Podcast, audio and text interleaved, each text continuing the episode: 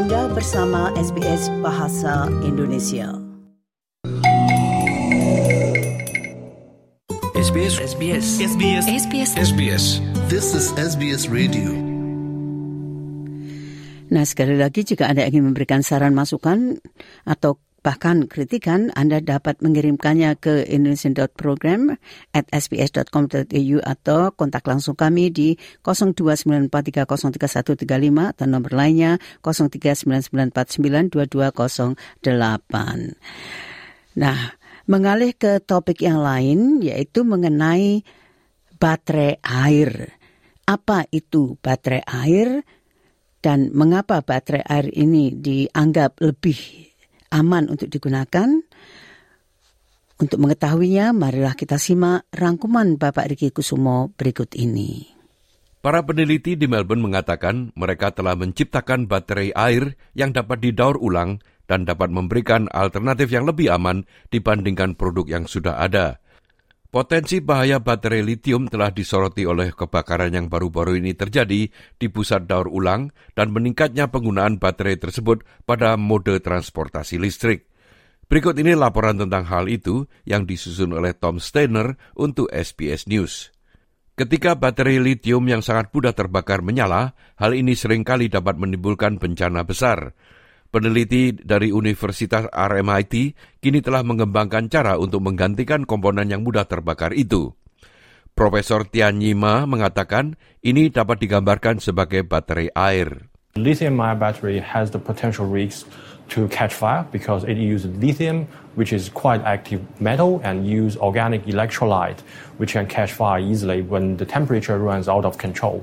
But in terms of water battery, it can never catch fire because we use only water, neutral water, as the electrolyte. Peralihan ke mode transportasi listrik berarti semakin banyak baterai litium yang digunakan di jalan raya. Dan meningkatnya jumlah kebakaran baterai ini, kru darurat dilatih tentang cara merespons ancaman tersebut.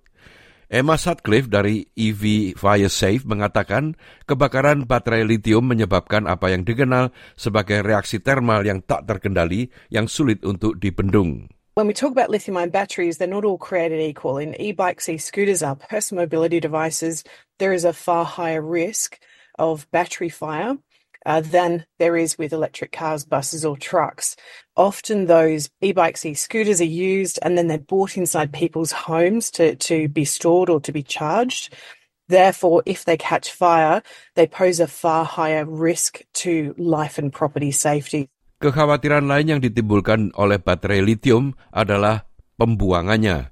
Minggu ini sebuah pabrik daur ulang di Perancis terbakar ketika baterai litium itu terbakar. Namun Sutcliffe mengatakan kelayakan komersial dari alternatif yang lebih aman masih menjadi tantangan. Any new battery innovation that uh, removes the, that toxic, flammable uh, electrolyte that can vaporize under pressure and heat obviously is going to, uh, you know, be massive steps in the right direction for battery safety. So we always, we, we really enjoy hearing about new innovation.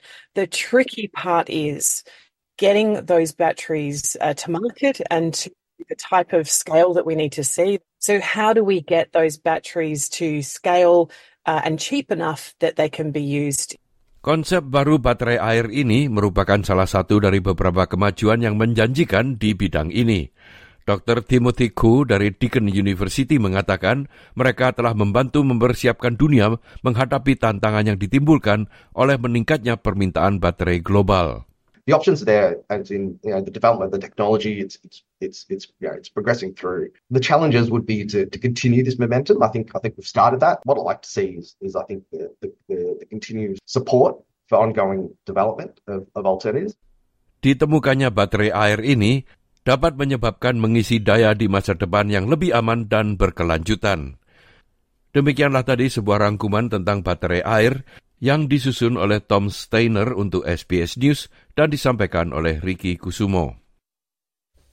Nah itulah tadi Bapak Riki Kusumo dengan rangkumannya tentang baterai air yang dianggap lebih aman itu.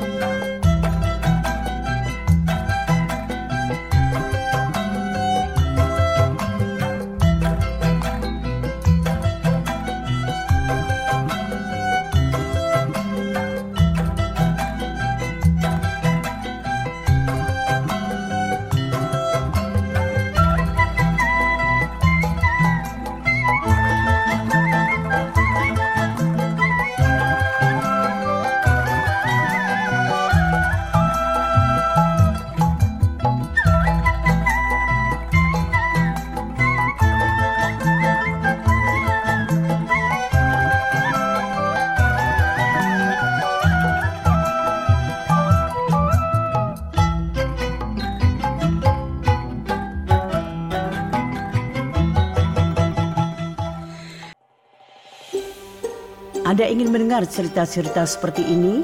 Dengarkan di Apple Podcast, Google Podcast, Spotify, atau di mana pun Anda mendapatkan podcast Anda.